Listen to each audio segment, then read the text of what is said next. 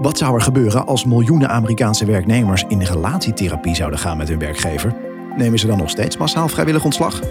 Wat kunnen we in ons vak eigenlijk leren van de liefde? Je hoort er zometeen alles over van mijn eerste gast in deze HR360, relatiecoach Saskia Paulussen. En bij Just Eat Takeaway krijgen de medewerkers het lekkerste werkvoordeel gewoon thuis bezorgd. Hoe dat precies zit? Ik ben Bart Jan Kuhne en dit is HR360, een podcast van Mercer. Elke maand goede gesprekken en nieuwe inzichten over wat er speelt in de wereld van HR en daarbuiten. Met eerst het nieuws waar het deze maand om draait. Ondanks het derde pandemiejaar op rij is 2022 overwegend positief gestart voor werkend Nederland. Dat blijkt allemaal uit het grote nieuwjaarsonderzoek uitgevoerd door online pensioenuitvoerder B. Frank. Bijna 90% van de 5,7 miljoen werkenden in loondienst geeft een 7 of zelfs hoger aan hun werkplezier. Dat is een dikke voldoende dus, maar toch geeft 40% van de ondervraagden aan dat het werkplezier wel wat is afgenomen door de pandemie. Een ander nieuws, want opnieuw nemen de maatschappelijke risico's toe door de coronacrisis. Dat blijkt uit het 17e Global Risk Report van het World Economic Forum. Wereldwijd vormt klimaatverandering het grootste risico, maar in Nederland staat sociale verdeling op plek 2. Een verslechterd toekomstperspectief voor jongeren, achteruitgang van de geestelijke gezondheid en verminderde sociale zekerheid brengen grotere ongelijkheid, spanningen en dus meer risico's met zich mee. Je luistert naar HR360, een podcast met een ander perspectief op HR. En uh, daarmee ook bijzondere gasten. Jij bent de allereerste Saskia. Saskia Paulus, je bent flirtcoach en relatiecoach. We zouden wat liever voor elkaar moeten zijn hè, dit jaar, zeg jij. Ja, een beetje lief zijn voor elkaar. Niet alleen natuurlijk in de liefdesrelatie, maar dat kan ook prima in de werkrelatie. Ja, een beetje aardigheid, vriendelijkheid kost helemaal niks. In HR360 kijken we met een ander perspectief naar HR. Nu vanuit de liefde, dan denk ik meteen aan mijn eigen thuissituatie, waar ik eh, heel fijn samenwoon met een hele lieve vrouw. Want dat nou te, meteen te vergelijken met de liefde voor mijn werk. Ja, en toch hebben die wel een, een raakvlak. Hè? Als je gaat kijken, nou ja, wat jij hebt met je liefde, met je, met je prachtige vrouw, is die liefde, dat is wat jullie bindt. En de relatie is hoe je die vorm geeft. Nou, als je op je werk bent, hè, dan, dan, dan, dan heb je bijvoorbeeld misschien de, de liefde voor het vak wat je bindt met collega's. En de, en de werkrelatie is hoe je het vormgeven. Want ja, hoe je het ook went of keert, zonder andere mensen kun je in de regel je werk niet doen. Je hebt elkaar nodig. Dan heb je het over werkrelaties. Uh, welke parallellen zijn er tussen de liefdesrelatie thuis en zou je bijvoorbeeld ook een liefdesrelatie met je werkgever kunnen hebben? nou ja, bedoel je dan liefdesrelatie en we zijn verliefd op elkaar? Want dat gebeurt natuurlijk ja, we blijven wel. even weg bij alle MeToo-discussies. maar als het gaat om dat je echt ja, verlangt om op je werk te komen en op je werk te zijn. Ja, en dan heeft het alles te maken met in wat voor sfeer werk je dan. Hè? Uh, dus, dus, dus, dus, dus is het prettig met mijn collega's? Uh, hoe word ik ontvangen? Uh, is het veilig? kan ik me ontwikkelen? ja, voel, voel ik me prettig door de dag heen? En, en dat is van absoluut cruciaal belang. Voel ik me verbonden eigenlijk? Dat is de belangrijkste vraag. Voel ik me verbonden met de mensen om me heen? Wat kunnen werkgevers leren van liefdesrelaties? Allereerst de bereidheid om te investeren in elkaar. Maar dat geldt ook voor de werknemers. Een relatie is iets wederkerigs. Dus, dus je zit samen in een relatie. Wat werkgevers ook nog kunnen leren van de liefdesrelatie is aandacht en tijd te besteden aan elkaar. En wat een hele leuke is, uh, wat een wetenschapper heeft ontdekt, wat een goede relatie maakt, is uh, micromomentjes van verbinding uh, maken en daar ook op reageren. Micromomentjes van verbinding. Ja. Het klinkt als iets dat ik wil. Ja. Wat nou. is het? Wat nou, zijn het? Er was een meneer Gotham, een, een, een wetenschapper. En die heeft allemaal nou ja, stellen in een soort van laboratoriumsetting gezet. De camera's erop. En die is het gedrag van verliefde stellen of van liefdestellen gaan uh, analyseren. Om te ontdekken van wat maakt nou een goede relatie. En hij ontdekte dat die stellen die op regelmatige basis, zeg maar micromomentjes van verbinding maakten, dat die een hele stevige relatie hadden. En dan zul je je afvragen, nou, wat zijn dat dan voor momentjes? Uh, nou, dat, is, dat kan een blik zijn, dat kan een aanraking zijn, dat kan een vraag zijn, dat kan een opmerking zijn. Nou, een opmerking kan zijn bijvoorbeeld, oh, wat is het lekker weer? Ja, heerlijk. Nou, en er wordt dan op gereageerd en zo heb je een micromomentje van verbinding. Maar je noemt het moment van verbinding, want ik kan me ook voorstellen dat als je elkaar even aanraakt of als je even met elkaar over het weer praat, dat je denkt, ja, maar ik vind het helemaal niet mooi weer. Jij vindt het fantastisch weer, maar ik, ik vind het veel te warm.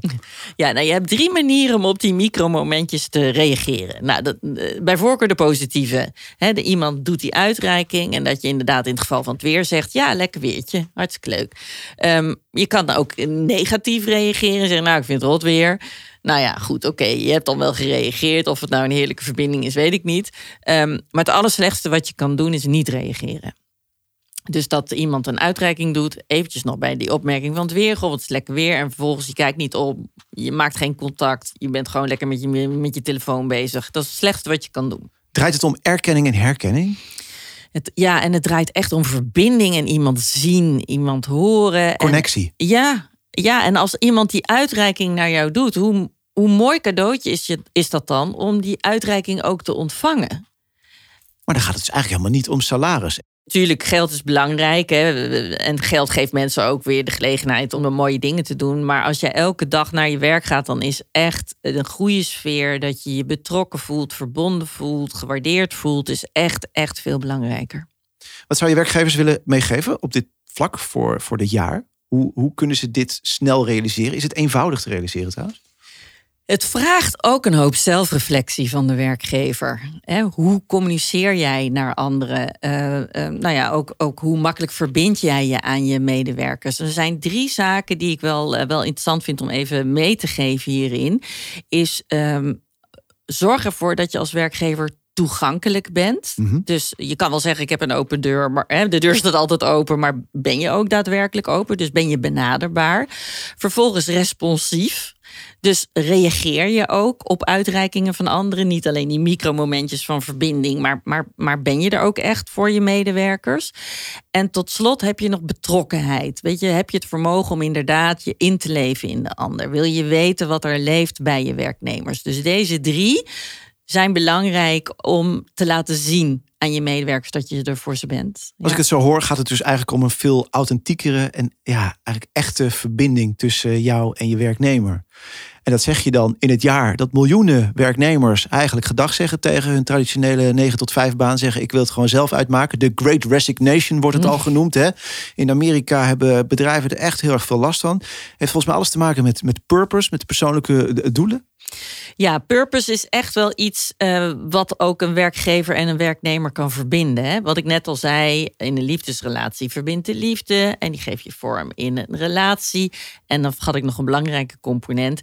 Intimiteit hoort daar dan bij om het compleet te maken. Dan heb je natuurlijk uh, niet alleen seksualiteit. Intimiteit gaat ook over veiligheid. Hoe veilig voel ik me om mijn verlangens, behoeften, angsten te delen? Ja. Nou, als je gaat kijken naar de werkrelatie, is purpose dat wat de werkgever en werknemer verbindt. Nou, dat geven ze vorm in de werkrelatie. Maar ook daaronder zit natuurlijk een zekere mate van intimiteit in de vorm dus van veilig voelen om je uit te spreken, om te vertellen wat er in je leeft dan ontstaat er een verbinding tussen die werkgever en die werknemer. Wat levert dat op? Als mensen zich verbonden voelen met elkaar, dan, dan zullen ze zich daadwerkelijk een stukje gelukkiger voelen. Dus als jij een verbinding, een connectie met de ander voelt, dan worden uh, uh, gebieden in je brein getriggerd die jou een gelukkig gevoel geven. En uh, ja, dat is natuurlijk fantastisch als je het hebt over de verbinding tussen werknemer en werkgever. Maar ik kan me ook voorstellen dat het ook verstikkend kan werken. Dat je denkt van, ik kom hier nooit meer weg. Ja, nou, je, je raakt hier wel iets moois aan. Want als je gaat kijken wat een, wat een relatie, werkrelatie, liefdesrelatie ingewikkeld maakt, is dat je altijd het spanningsveld hebt tussen autonomie aan de ene kant en het verlangen naar verbinden aan de andere kant. Dus hè, nee, dat kan je je ook wel voorstellen. Kijk, als ik mij verbind aan de ander en aan een bedrijf, uh, hartstikke leuk. Maar heb ik ook nog wel ruimte om mijn eigen ding te doen en om mijn eigen uh, manier van werken misschien uh, in te vullen. Nou, dus dat spanningsveld, dat is een interessante. Maar eigenlijk is het dus net als in de relatie thuis aandacht voor elkaar, maar je moet elkaar ook een beetje de ruimte geven. Ja, precies. Nou, Ja. ik heb ook meegeschreven voor, voor mezelf. ik hoop dat ik het dit jaar ook thuis kan toepassen. Wie weet waar het toe leidt. Vast en zeker. HR360, dat betekent een andere kijk op HR en ook belangrijke take-outs. Ehm, we zetten niet één punt achter het gesprek, maar we zetten drie punten achter het gesprek. Ehm, de vraag aan jou om daar in bullet points de drie belangrijkste take-outs op te schrijven in dit mooie schrift. Die nemen we dan mee na de uitzending en hebben we nog een, eh, een, een mooie herinnering en eh, ook eh, misschien goede voornemens voor, voor het komende jaar. Nou, ik zal eens drie hele mooie opschrijven. Die hoor je zo meteen. Kijken we nog even naar de wereld om ons heen. Het begin van het jaar is vooral vooruitkijken. Omzien naar elkaar, vooruitkijken naar de toekomst... is ook de titel van het nieuwe regeerakkoord. Met daarin een belangrijke belofte aan iedere werknemer... een goede start voor ieder kind op de kinderopvang. Aan eh, Karien van Gennep, dat is de nieuwe minister van Sociale Zaken en Werkgelegenheid... de taak om deze belofte waar te gaan maken. Gaat het haar lukken om een stapsgewijze verhoging... van de overheidsbijdrage voor de kosten van kinderopvang... tot 95% door te voeren? Dat is de grote vraag. Met deze stap volgt het nieuwe kabinet het advies van de Sociaal-Economische Raad om zo gelijke kansen en de toekomstige kwaliteit van onze beroepsbevolking te bevorderen. En als het gaat om kansengelijkheid, lijkt die van afgestudeerde MBO'ers steeds verder af te nemen. De gemiddelde kans op werk is groter dan ooit, 67 procent. Zijn enorm veel vacatures, hè? maar daar profiteren vooral hoger opgeleiden van. Blijkt allemaal uit cijfers van onderzoeksbureau SEO. Een generieke HBO-studie zorgt voor meer wendbaarheid dan een beroepsgerichte MBO-studie. Uitzonderingen zijn de zorg, techniek en ICT. Daar stijgen ook de kansen voor MBO-afgestudeerden. Vandaag is dus Saskia Paulussen mijn gast. Zometeen horen we haar belangrijkste bullet points. Maar misschien zit jij hier binnenkort wel tegenover me. HR360 maakt graag ruimte voor iedereen met een andere kijk op HR. Redactie hr360.nl. Daar kun je ons bereiken. Vragen kun je daar trouwens ook kwijt. Een team van Mercer deskundigen staat voor je klaar. Vanaf vandaag maken we in elke aflevering van HR360 ruimte voor een gastcolumn. De primeur is voor Iris Wenmakers, director Total Rewards bij Just Eat Takeaway. Ook wel bekend natuurlijk als thuisbezorgd.nl. Je hoort haar onder meer over het lekkerste werkvoordeel van Nederland. Het perspectief van Iris. Wie is er eigenlijk aan zet? Ik wil het met je hebben over uh, The Great Resignation. Die wereldwijde trend om vrijwillig ontslag te nemen. Alleen al in november 2021 kozen ongeveer 4,5 miljoen Amerikanen hiervoor. Wordt het een nieuwe baan? Stoppen met werk? Of een sabbatical? Wat gaan onze 15.000 medewerkers doen? 2022 is een jaar met nieuwe kansen. Bij Just Eat Takeaway challengen we daarom dagelijks ons beloningsbeleid. Dat moet ook wel, want wat als die trend echt overslaat naar Europa? Alleen al in Nederland denkt 2 op de 3 medewerkers aan een nieuwe baan. En we hebben duizenden vacatures te vervullen. Natuurlijk bieden we daarom competitieve personeelsvoordelen.